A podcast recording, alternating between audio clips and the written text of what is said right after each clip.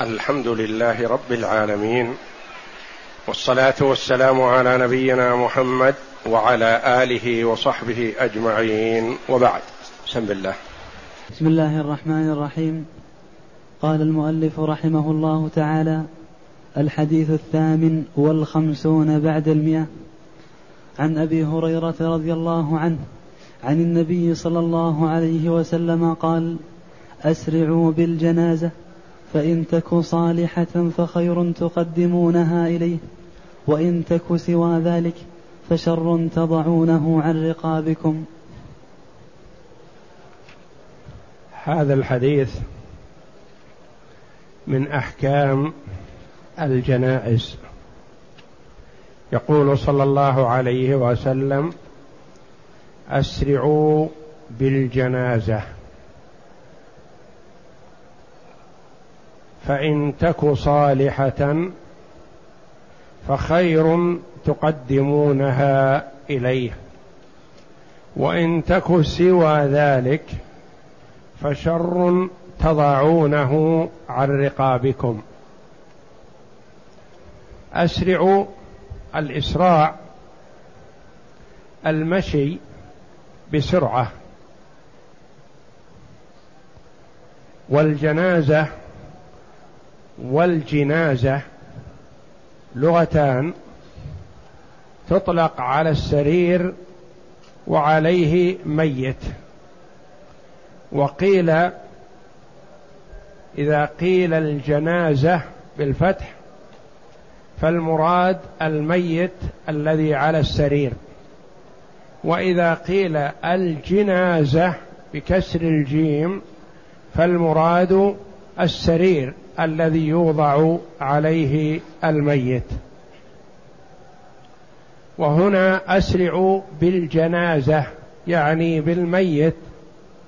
أسرعوا به يعني سيروا به إلى قبره بسرعة. والقبر لابن آدم كرامة من الله جل وعلا له. فتكريم الميت وإكرامه بدفنه في قبره. وقد امتن الله جل وعلا على العباد بذلك في قوله ثم السبيل يسره ثم أماته فأقبره. فأقبره. وابن آدم الأول الذي قتل ابن أخاه يقول يا ويل أعجزت أن أكون مثل أه هذا الغراب فأواري سوءة أخي. لما بحل وحرج بأخيه ماذا يعمل به أرسل الله جل وعلا غرابا يبحث في الأرض ليريه كيف يواري سوءة أخيه. فالقبر كرامة من الله جل وعلا لابن آدم ايا كان.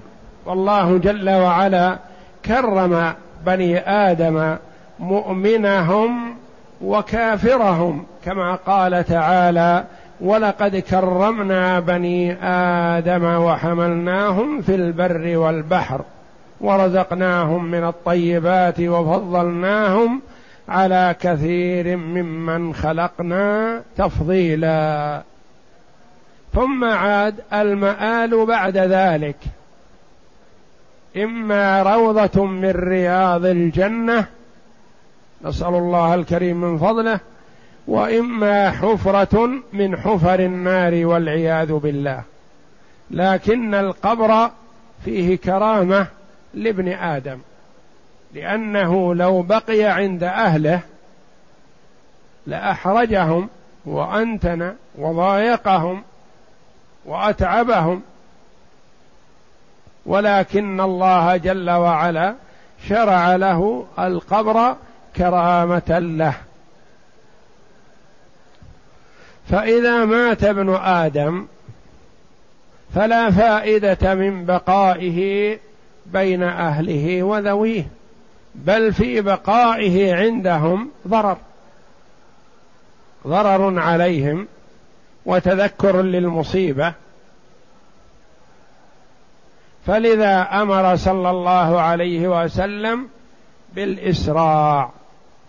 هل المراد بالإسراع؟ الإسراع بالتجهيز مطلقا من حين الوفاة بتغسيله وتكفينه وتقديمه للصلاة عليه وحمله لقبره. أم المراد الإسراع في المشي بعد الصلاة عليه إلى قبره؟ قولان للعلماء رحمهم الله. قال بعضهم المراد الإسراع في المشي بعد الصلاة عليه. لقوله صلى الله عليه وسلم في آخر الحديث فشر تضعونه عن رقابكم. لأنه ما دام لا خير فيه فهو متعب وحمله متعب ولا فائدة في التأني والتباطؤ في حمله. وقال بعضهم المراد الإسراع مطلقا في جميع شؤونه إذا تحقق من موته بشرط أن يتحقق من موته لأنه أحيانا يكون الموت مشكوك فيه. كالموت الفجأة فيحتمل أنه نتيجة غيبوبة وهو حي مثلا. فهذا ينتظر فيه حتى يتأكد منه بخلاف المريض الذي قلب وعرف مرضه وحاله هذا غالبا إذا مات عرف موته.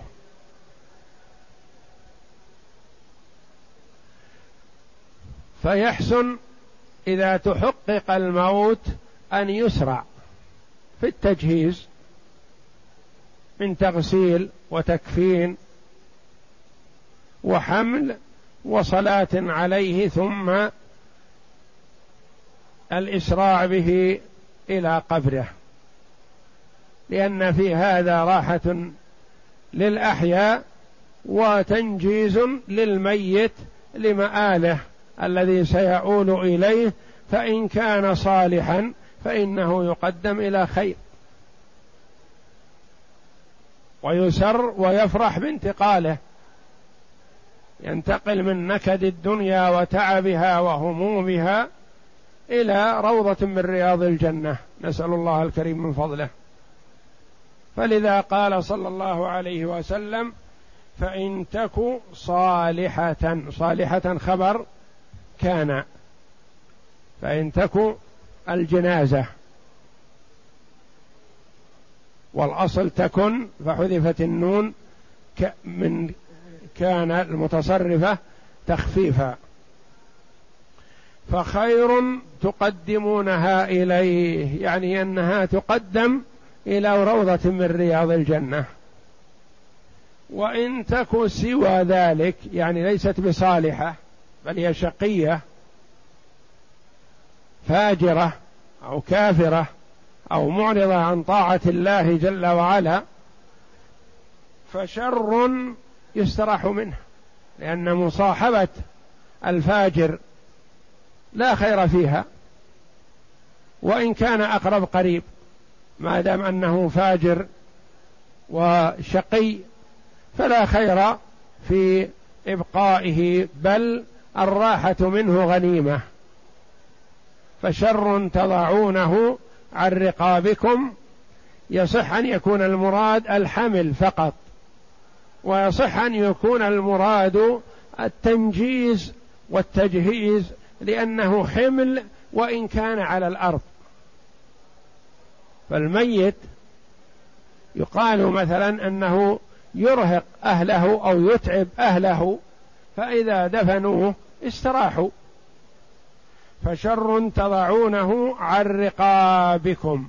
وهذا أحد الأمرين لا يعلم للناس لا يعلمه إلا الله جل وعلا. فلهذا يجرى أحكام الناس كلهم على الظاهر.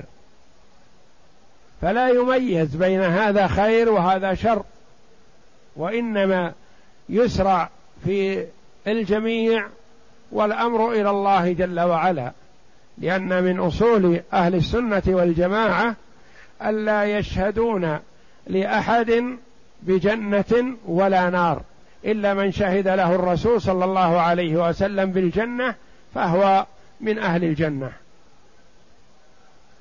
أما ما بعد وفاة الرسول صلى الله عليه وسلم فلا يشهد لأحد كائنا من كان بجنة ولا نار لأن هذا لا يعلم ظاهرا وإنما الذي يعلمه الله جل وعلا ويطلع رسوله صلى الله عليه وسلم على من شاء من عباده.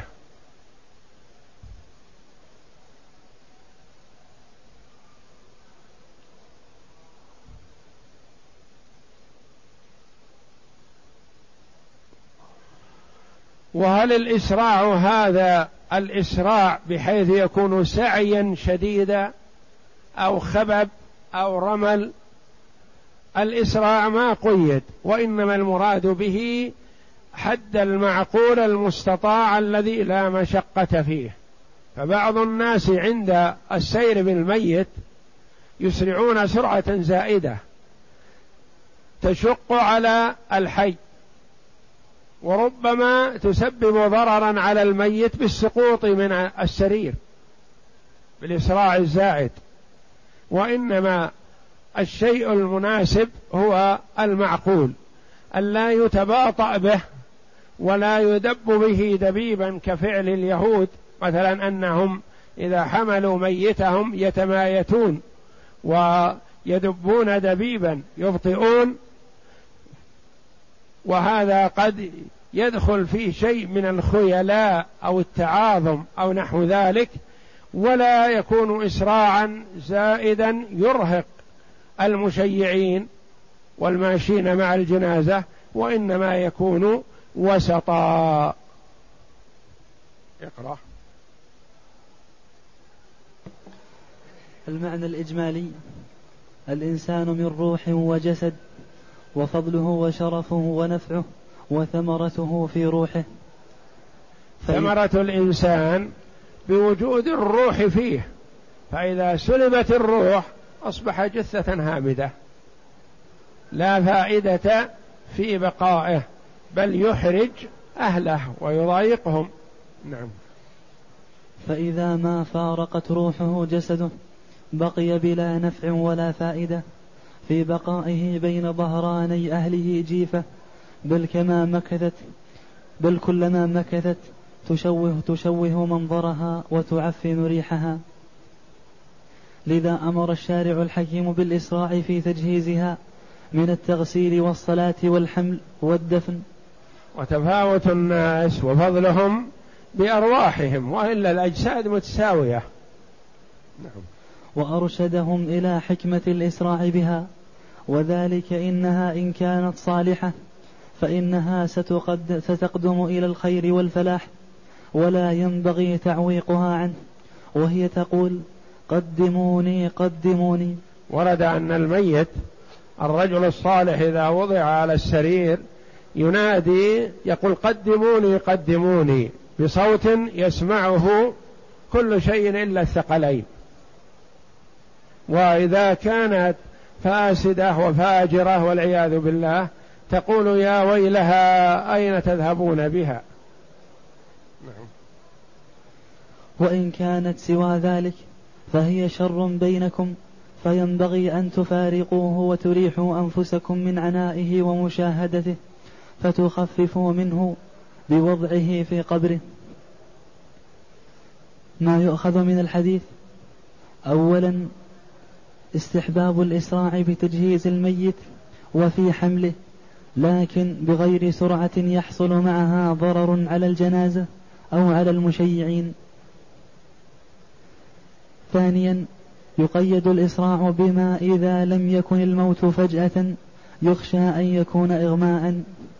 لأنه أحيانا يكون إغماء يصحو منه المرء وهو في حالة الإغماء كحال الميت.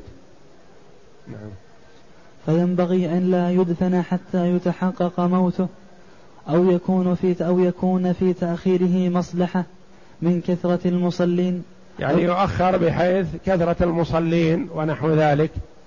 نعم. أو حضور أقاربه ولم يخش عليه الفساد. ثالثا فيه طلب مصاحبة الأخيار والابتعاد عن الأشرار. الابتعاد عن الأشرار حتى وإن كان ميت. فيستراح منه. نعم. رابعا قال شيخ الإسلام ابن تيمية من كان مظهرا للإسلام فإنه تجرى عليه أحكام الإسلام الظاهرة من المناكحة والموارثة وتغسيله والصلاة عليه ودفنه في مقابر المسلمين ونحو ذلك. فلا يجوز لنا مثلا نقول إن هذا رجل شرير أو هذا فاجر ما دام أنه بين المسلمين ويصلي معهم فأمره إلى الله جل وعلا. ولا يجوز أن يقال هذا منافق أو هذا فاجر لا يزوج أو هذا فاجر كافر مثلا لا يغسل ولا يصلى عليه. وإنما أحكام الدنيا تجرى على الظاهر. قد نغسل المرء ونحمله ونصلي عليه وندعو له وهو فاجر كافر منافق والعياذ بالله. لكننا لا ندري ما حقيقة الأمر وإنما ليس لنا إلا الظاهر. وقد نزدري الشخص أو لا نعبأ به وهو عند الله له مكانة عظيمة. فأحكام الدنيا كلها تجرى على الظاهر. ولهذا المسلمون أحكامهم ظاهرة والكفار أحكامهم ظاهرة كافر. المنافق في الدنيا حكمه حكم المسلمين وفي الآخرة حكمه حكم الكفار كما قال الله جل وعلا إن المنافقين في الدرك الأسفل من النار. أما في الدنيا فهو يزوج ويسلم عليه ويحيى بتحية الإسلام وإذا مات يغسل ويصلى عليه ويدفن في مقابر المسلمين وربما أنه في حفرة من حفر النار لا ندري عن حاله. فليس لنا إلا الظاهر. نعم. الحديث التاسع والخمسون بعد المئة. عن أم عطية الأنصارية رضي الله عنها قالت نهينا عن اتباع الجنائز ولم يعزم علينا. أم عطية رضي الله عنها نسيبة بنت الحارث الأنصارية من الصحابيات الفقيهات يرجع إليها في كثير من أحكام الفقه وخاصة ما يتعلق بالنساء من تغسيل الميتات ومن أحكام الحيض وأحكام النفاس وأحكام الحمل والولادة ونحو ذلك. تقول رضي الله عنها نهينا عن اتباع الجنائز. نهينا وإذا قال الصحابي أو الصحابية نهينا وبناء الفعل للمجهول. فالناهي هو النبي صلى الله عليه وسلم لأنه بناه للمجهول على أساس العلم والعرف أن الناهي والمشرع هو النبي صلى الله عليه وسلم لا غيره. نهينا عن اتباع الجنائز والاتباع قد يكون اتباع إلى حيث يصلى عليها أو اتباع إلى حيث تدفن. المقبرة. نهينا عن اتباع الجنائز. ولم يعزم علينا. انظر من فقهها رضي الله عنها بينت أن هذا النهي بغير عزيمة وبغير جزم. يعني أن هذا النهي ليس بنهي تحريم وإنما هو نهي تنزيه. كما هو قول كثير من العلماء رحمهم الله. قالوا إن قولها لم يعزم علينا دليل على أن النهي ليس للتحريم لأنه لو كان للتحريم لمنعت النساء. لكن لما كان للتنزيه صار النهي غير جازم. ثم إن العلماء رحمهم الله فصلوا في هذا. فقالوا إن النساء تتفاوت والاتباع هذا يتفاوت. فالنساء بعضهن بخروجها تفتن وتفتتن فتمنع. وبعضهن تظهر الجزع وربما تصرخ. وربما نادت على نفسها بالويل والثبور بفقد حبيبها فتمنع. وربما كان خروجها هذا للصلاة عليها فقط مع المصلين ولا جزع ولا فتنة ولا يظهر منها شيء يخالف فهذا الذي حمل عليه الجواز. والاتباع قد يكون اتباع إلى مكان الصلاة للصلاة على الميت. فرق. أو اتباع لمكان الدفن الذي هو المقبرة. فننهى النساء عن اتباع الميت إلى المقبرة. لأنها منهية عن زيارة القبور فنهيها عن اتباع الجنازة وحضور الدفن وتدلية الميت في قبره. هذا ربما يؤثر عليها أكثر من كونها تزور فقط أموات قد دفنوا من زمن طويل. فنهيها عن الوصول إلى المقبرة اولى أما إذا كان خروجها من أجل الصلاة تحضر الصلاة في المسجد. والنساء يحضرن الصلاة مع المسلمين. فخرجت لأجل أن تصلي على الجنازة هذه في المسجد فنقول لا بأس بذلك. وإن كان عدم خروجها أولى لقول أم عطية نهينا.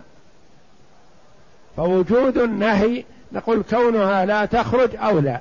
لكن إذا خرجت إلى المسجد فقط وصلت على الجنازة مثلا صلت على الميت من أب أو أخ أو ابن أو قريب أو نحو ذلك فلا بأس بذلك.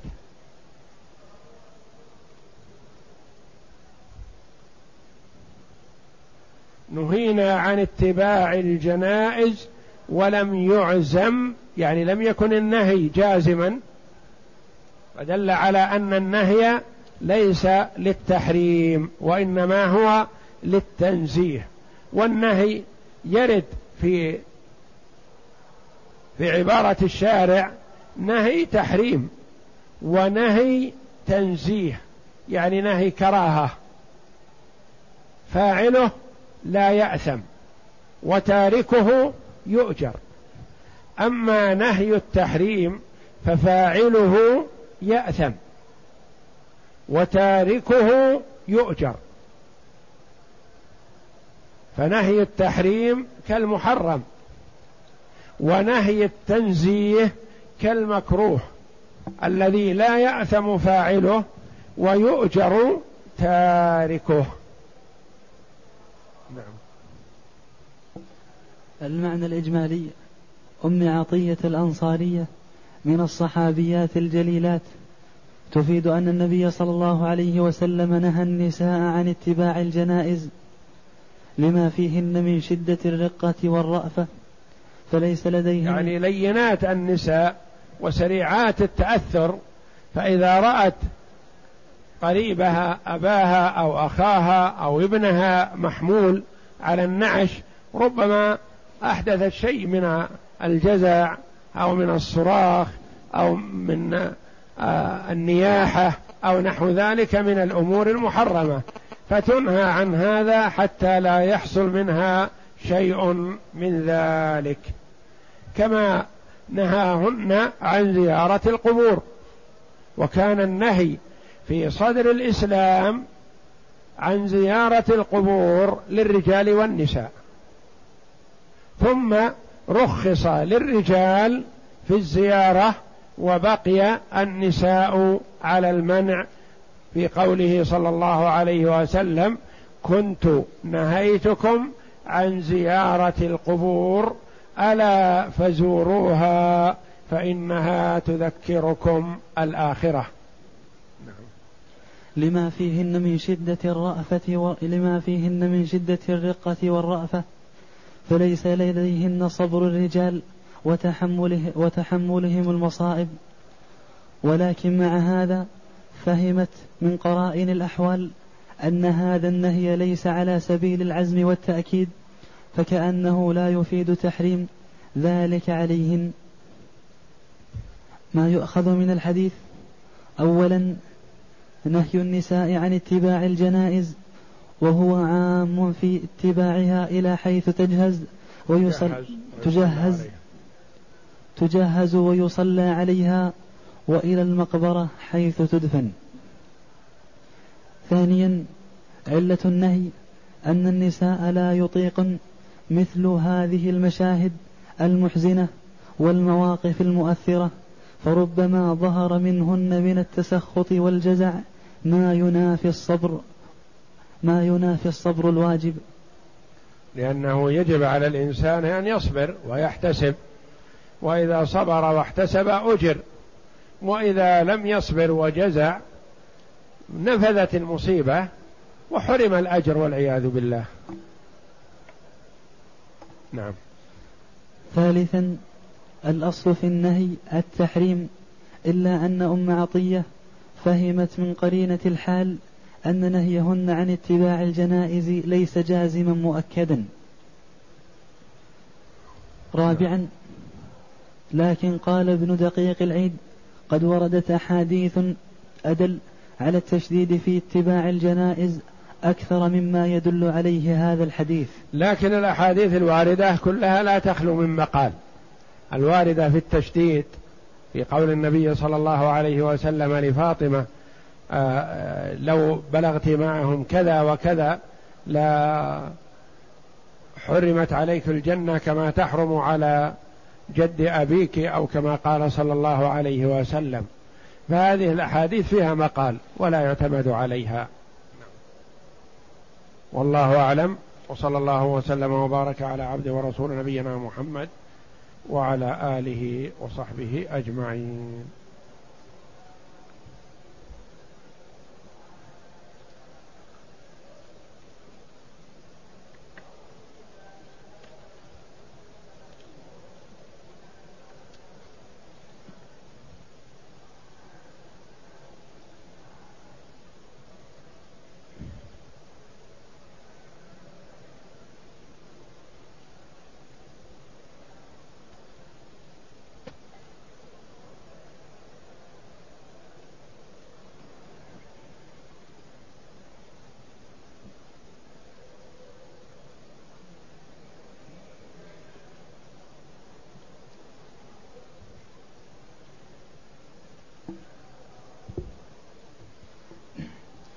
يقول السائل ما حكم الصلاة خلف المبتدع؟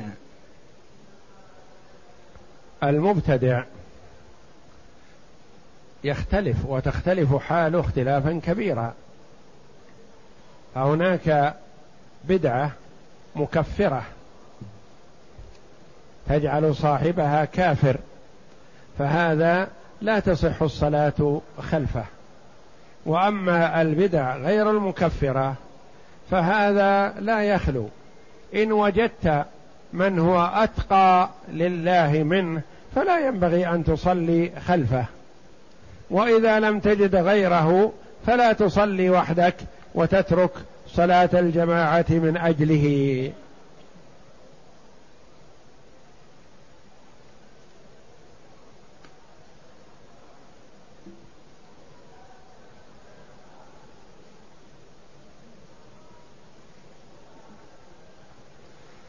يقول السائل هل إذا كانت الجنازة خفيفة ومسرع بها فهي صالحة؟ لا لا يدل خفتها ولا ثقلها على صلاحها وإنما هذا إذا ورد فيه شيء عن النبي صلى الله عليه وسلم لأنه الذي يعلم ما أطلعه الله جل وعلا عليه. أما نحن فلا نقول إن هذه الجنازة خفيفة لأنها كذا أو لأنها كذا أو ثقيلة لأنها كذا. هذا أمر لا يعلمه إلا الله جل وعلا. أما سعد بن معاذ رضي الله عنه فقد قال أحد المنافقين ما حملنا جنازة أخف منها وقد كان ثقيلا أو مدينة.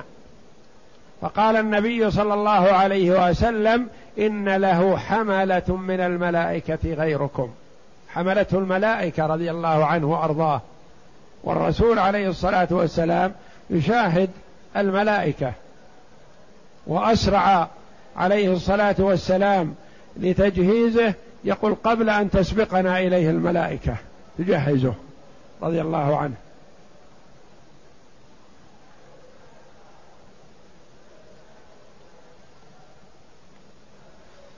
يقول السائل هل لا شك أن طواف الإفاضة وقته موسع والحمد لله على رأي كثير من العلماء وبعض العلماء يحدده بأيام التشريق وبعضهم يحدده بشهر ذي الحجة وبعضهم يرى أن وقته موسع لكن بما أنه ركن من أركان الحج والإنسان لا يدري ما يعرض له. فتأخيره لا يليق إلا لضرورة.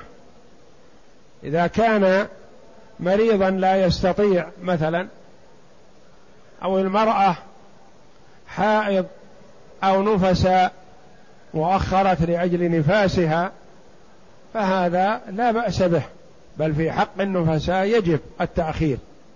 وأما إذا كان من غير ضرورة ولا حاجة فيعتبر التأخير من باب التساهل والإهمال لأن الإنسان لا يدري ما يعرض له.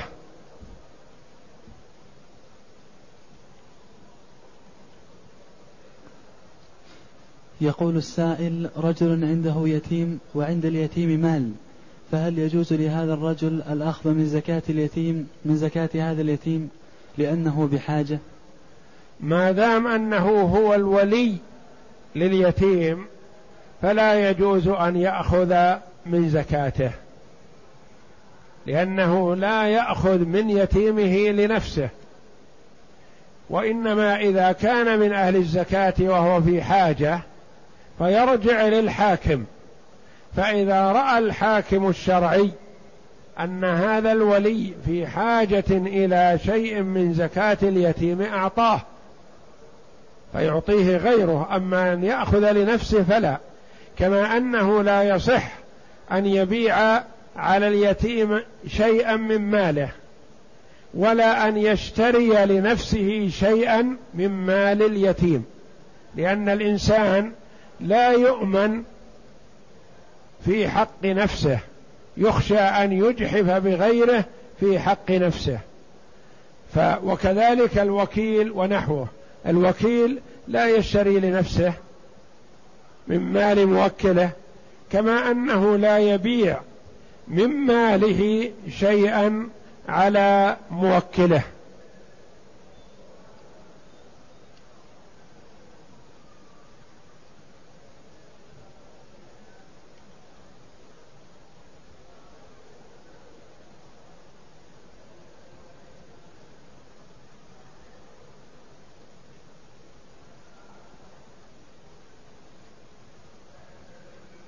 يقول السائل رأيت أشخاصا لا يصلون على الجنازة.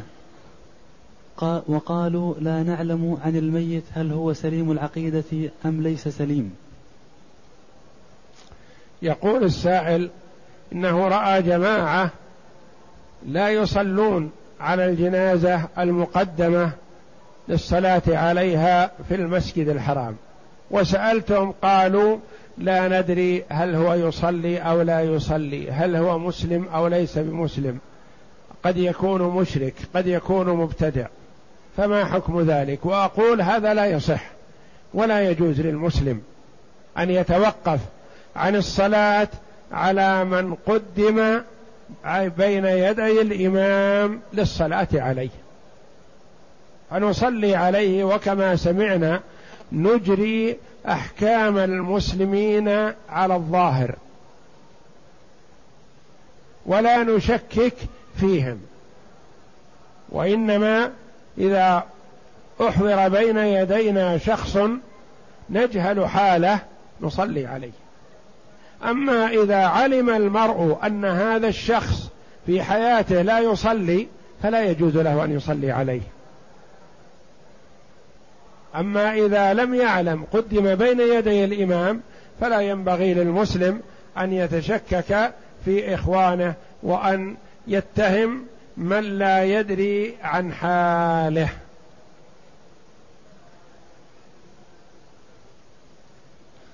يقول السائل إذا سلم شخص على مجموعة من الناس فهل يجب على كل الجالسين رد السلام أم يكفي لو رد البعض؟ إذا سلم شخص على مجموعة فلا يلزم كل واحد من المجموعة أن يرد عليه فإذا رد عليه بعضهم كفى ذلك.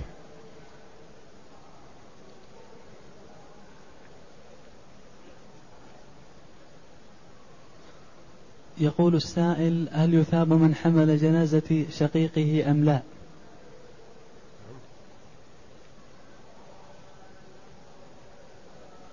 يقول هل يثاب من حمل جنازة شقية؟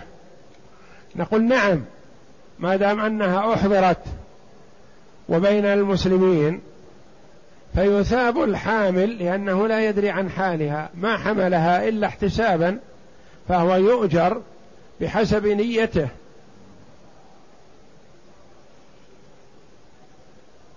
وهل نحملها إذا عرفنا أنه رجل فاجر في الدنيا؟ نعم لأن مواراه الميت حتى وإن كان كافر مأمور بها شرعا لأن النبي صلى الله عليه وسلم أمر عليا رضي الله عنه أن يواري أباه. أبو طالب. جاء علي رضي الله عنه النبي صلى الله عليه وسلم كان يزور عمه أبا طالب وحضره في حال احتضاره وقبل خروج روحه وهو يطلب منه أن يشهد أن لا إله إلا الله وأن محمدا رسول الله لكنه أبى ذلك. فخرج منه النبي صلى الله عليه وسلم ثم جاء علي رضي الله عنه وقال يا رسول الله إن عمك الشيخ الضال قد مات. قال اذهب فواره يعني ما يترك. حتى وإن كانت جنازة كافر فتوارى ويؤجر المواري لها. اذهب فواره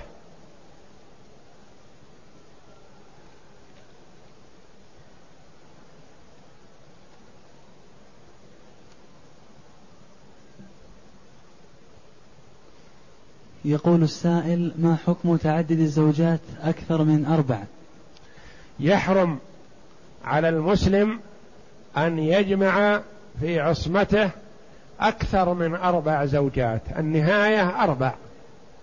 وتحرم الزيادة. فإذا طلق الرجل زوجة رابعة فإنه حينئذ ينتظر حتى تخرج زوجته هذه من العدة. ولهذا يعايى بها فيقال هل يعتد الرجل كما تعتد المرأة؟ فيقال نعم. إذا طلق رابعة فإنه ينتظر حتى تخرج من العدة.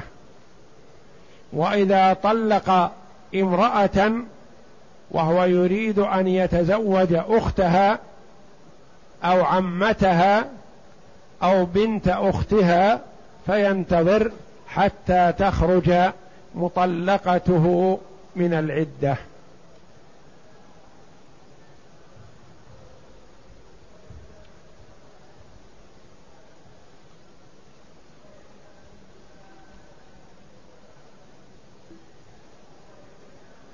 يقول السائل إذا كان المطلوب في الفاتورة خمسة وتسعين هللة فأخذ الطالب ريال فهل هذا من الربا؟ إذا دفع الرجل أكثر مما في الفاتورة مثلا وسامح في الزائد أو دفع أقل مما في الفاتورة وسامحه المستلم عن الزائد فلا بأس بذلك لأن هذا ليس من باب البيع وإنما من باب المسامحة. مثل لو اشتريت من الرجل مثلا بضاعة بعشرة وأعطيته أحد عشر. أعطيته خمسة عشر. اشتريتها بتسعة مثلا وأعطيته عشرة وقلت أسامحك بالريال الزائد. لا بأس بهذا لأن هذا من باب المسامحة لا من باب الربا لا من باب الصرف ولا من باب البيع الباطل.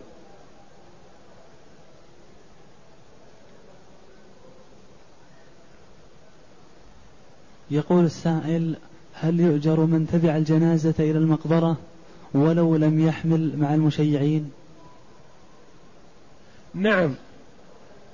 يؤجر المشيع للجنازة حتى ولو لم يحملها لأن تشييعها والذي ورد فيه ما لم يرد الفضل في الحمل وإنما ورد في التشييع في الاتباع. من تبع الجنازة حتى يصلي عليها فله قيراط من الأجر. ومن تبعها حتى تدفن فله قيراطان. والقيراط مثل الجبل العظيم من الأجر.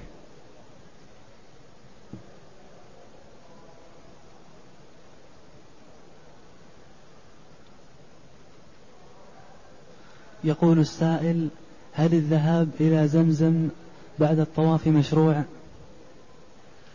لا الذهاب إلى زمزم بعد الطواف لا يعتبر عبادة وليس بمشروع وإنما المستحب الشرب من ماء زمزم قبل الطواف أو بعد الطواف أو في أي وقت.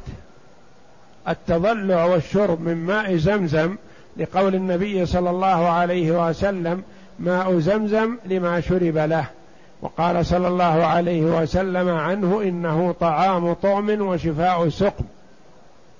فيستحب الشرب منه والتضلع يعني الإكثار منه. وأما أن له علاقة بالطواف أو بالسعي أو بالعمرة أو نحو ذلك فلا. يعني شرب أو لم يشرب عمرته تامة إذا أتمها.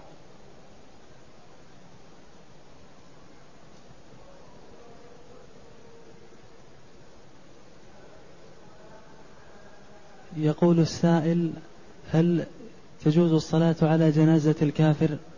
لا لا يجوز بل يحرم ذلك لأن هذا من العبث بالشعائر الإسلامية فلا يصلى على كافر ولا يدعى له بالمغفرة والرحمة وإنما يعزى ذووه لا بأس أن يعزى ذووه مسلمين كانوا أو كفار يعني تعزي ذوي الميت بميتهم سواء كانوا مسلمين أو كفار. وأما الترحم على الميت الكافر أو الدعاء له بالمغفرة أو الصلاة عليه فلا يجوز ذلك لأنه ليس من أهل هذه هذه قربة وعبادة لله جل وعلا وشفاعة من الأحياء للميت وهو ليس من أهل ذلك. كما قال الله جل وعلا عن الكفار فلا ولا فلا تنفعهم ولا تنفعهم شفاعة الشافعين.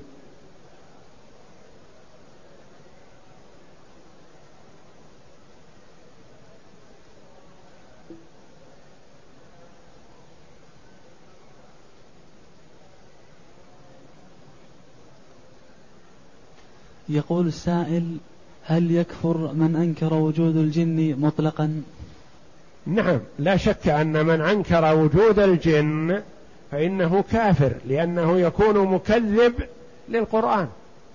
الله جل وعلا يقول من شر الوسواس الخناس الذي يوسوس في صدور الناس من الجنة والناس.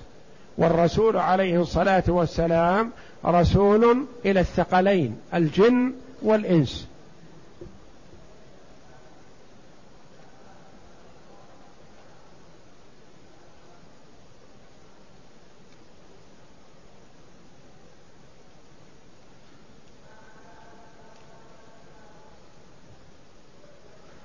يقول السائل هل يؤجر المسلم إذا كان يقرض الناس ولا يثقل عليهم بالسداد؟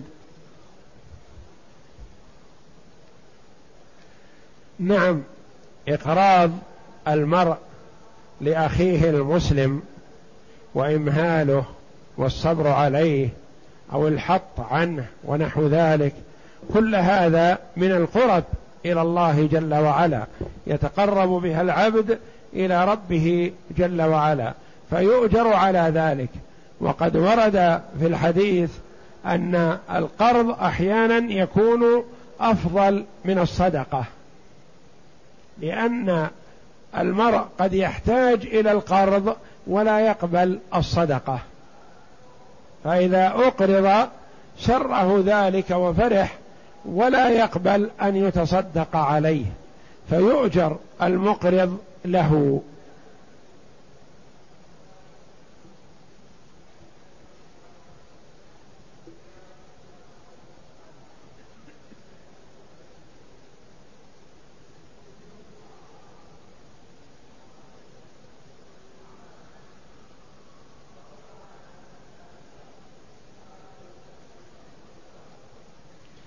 يقول السائل هل السنة للماشي مع الجنازة؟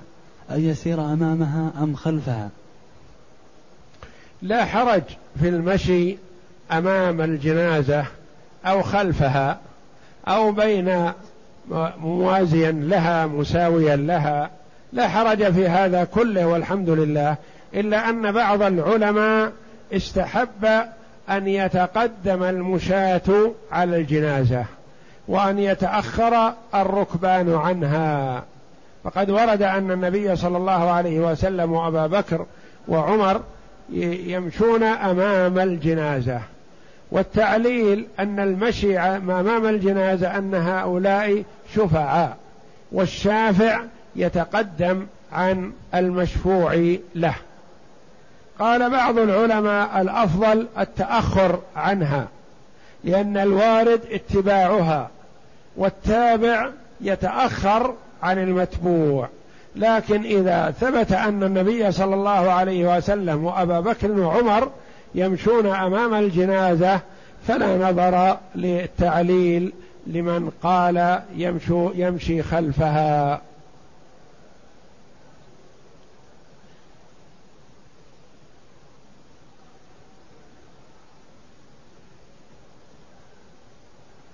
يقول كيف الجمع بين قوله صلى الله عليه وسلم كنت نهيتكم عن زيارة القبور ألا فزوروها فإنها تذكركم الآخرة وقول عائشة للنبي صلى الله عليه وسلم كيف نسلم على الأموات؟ نقول السلام على الأموات شيء والزيارة شيء آخر. فكون المرأة تقصد الزيارة للأموات تذهب إلى المقابر للزيارة هي ممنوعة من هذا. وقد لعن صلى الله عليه وسلم زائرات القبور وفي رواية زوارات يعني بالإكثار القبور والمتخذين عليها المساجد والسرج. أما السلام فلا بأس به كأن يمر المرء أو تمر المرأة على المقبرة فتسلم. إذا مرت المقبرة بالمقبرة مثلا بالسيارة أو وهي ماشية في الطريق والمقبرة على يمينها أو على يسير يسارها فإنها تسلم على الأموات. تقول السلام عليكم دار قوم مؤمنين وإنا إن شاء الله بكم للاحقون.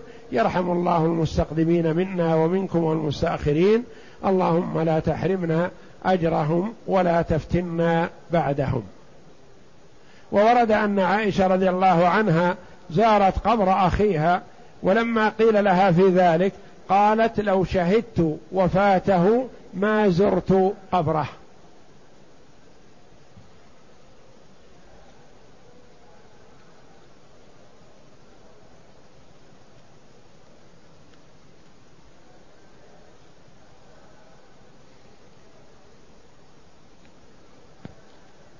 يقول السائل إذا صليت على أكثر من جنازة في صلاة واحدة فهل أجر واحدة أم أكثر؟ يقول إذا صليت على عدد من الأموات مثلا صلاة واحدة فهل ثواب الصلاة واحدة أم أكثر؟ فضل الله واسع والله جل وعلا يجود بالجزيل من العطاء فهو جل وعلا يعطي الجزيل ولا يسوغ لنا أن نحدد فنقول إن صلاته على أربعة أفضل من صلاته على ثلاثة إلا بنص عن النبي صلى الله عليه وسلم ولا أعرف نصا عن النبي صلى الله عليه وسلم في ذلك.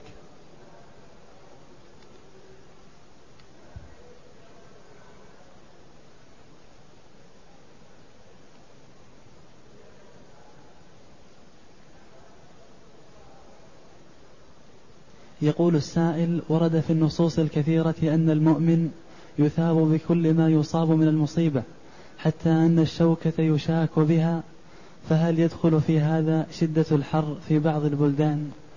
نعم يثاب المؤمن بالاحتساب والصبر على شدة الحر وعلى شدة البرد وعلى الجوع وعلى العطش وعلى المرض وعلى المصائب التي تصيبه. كل شيء يكفر الله جل وعلا به بها من خطاياه في أي مصيبة ما دام أن النبي صلى الله عليه وسلم قال حتى الشوكة يشاكها يعني شوكة تكون في قدمه أو في يده أو في ساقه يؤجر عليها فكذلك الحر والبرد والعطش والجوع والألم وضيق الصدر ونحو ذلك من المصائب فإن الله جل وعلا يأجر عبده عليها إذا صبر واحتسب. وأما إذا جزع ولم يصبر فإنه تحصل المصيبة ويحرم الأجر والعياذ بالله. فالصبر بمقدار ما عند المرء من الصبر والاحتساب يكون أجره. والصبر عند أول المصيبة في الأموات كما قال عليه الصلاة والسلام إنما الصبر عند الصدمة الأولى.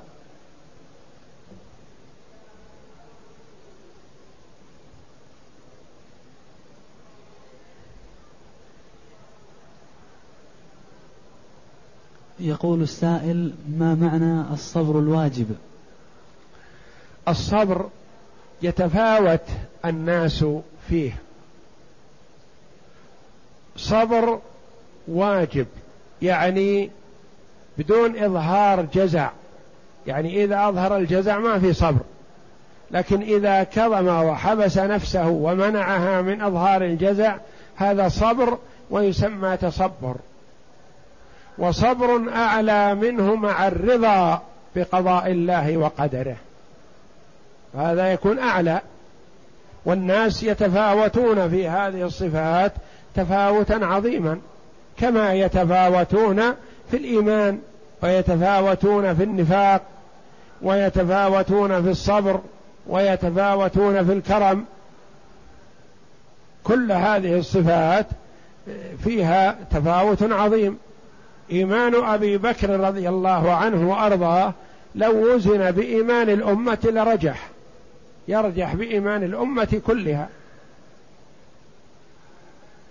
فلا يقال إيمان أبي بكر الصديق رضي الله عنه كإيمان أي واحد من الصحابة كإيمان أي واحد من المسلمين لا. وكذلك صبر النبي صلى الله عليه وسلم وتحمله ليس كصبر أي واحد من الناس وليس كصبر خواص المسلمين بل هو يتميز صلى الله عليه وسلم بهذه الصفة وكذلك صبر أبي بكر رضي الله عنه ليس كصبر غيره وصبر عمر رضي الله عنه ليس كصبر غيره من الناس وهكذا. فالصبر شيء واجب الذي هو عدم إظهار الجزاء. وحبس النفس ومنعها عن أن تظهر شيئا محرم. هذا صبر. وهو واجب ذا. لكن الصبر الرضا مع الرضا والقناعة والسرور بالمصيبة احتسابا للأجر عند الله جل وعلا هذه لا ينالها إلا الأفذاذ من الناس.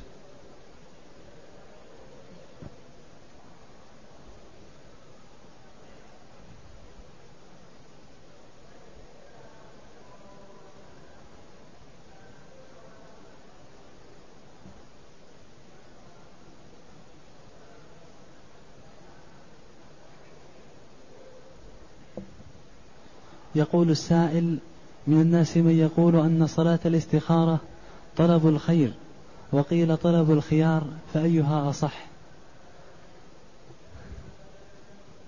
صلاة الاستخارة سنة.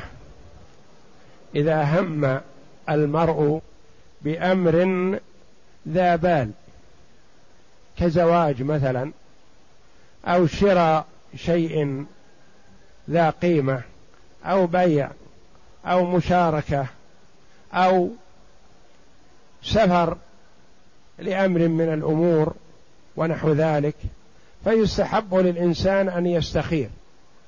وحال صلاته الاستخارة لا يكون عازم على أحد الأمرين بل ينتظر ما يشرح الله صدره له.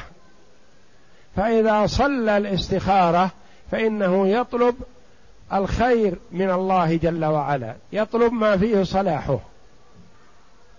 ثم هذا الخير قد يعطيك الله إياه وأنت لا تريده. أنت لا تريده ربما يكون في ما دفعك الله إليه مثلا من الأمور مصيبة عليك ظاهرة لكن هذه المصيبة خير لك. فالصحابة رضي الله عنهم خرجوا مع النبي صلى الله عليه وسلم لملاقاة العير. وكان سرورهم وفرحهم لو وجدوا العير. ولكن الله جل وعلا اختار لهم ما هو أفضل لهم وهم لا يريدونه هم لا يريدون الجيش. وكان لقاهم مع الجيش مع الجيش الذي خرج من مكة للحرب. والعير التي فيها آه، الطعام والأمتعة راحت ذهبت إلى مكة ولم يدركوها. فالمرء قد يستخير ثم يوجهه الله جل وعلا على أمر له فيه خير. لكن قد يكون يريده وقد يكون لا يريد هذا الشيء لو علم ماذا يجد فيه. لكن الله وجهه لهذا الشيء وإن كان لا يريد ما فيه لحكمة يريدها الله جل وعلا بأن ينال ثواب عظيم لمشقة تحصل له في هذا الطريق. فقد يوجه بإذن الله لشيء له فيه خير وهو لا يريد هذا الخير. والله أعلم. وصلى الله وسلم وبارك على عبد ورسول نبينا محمد وعلى آله وصحبه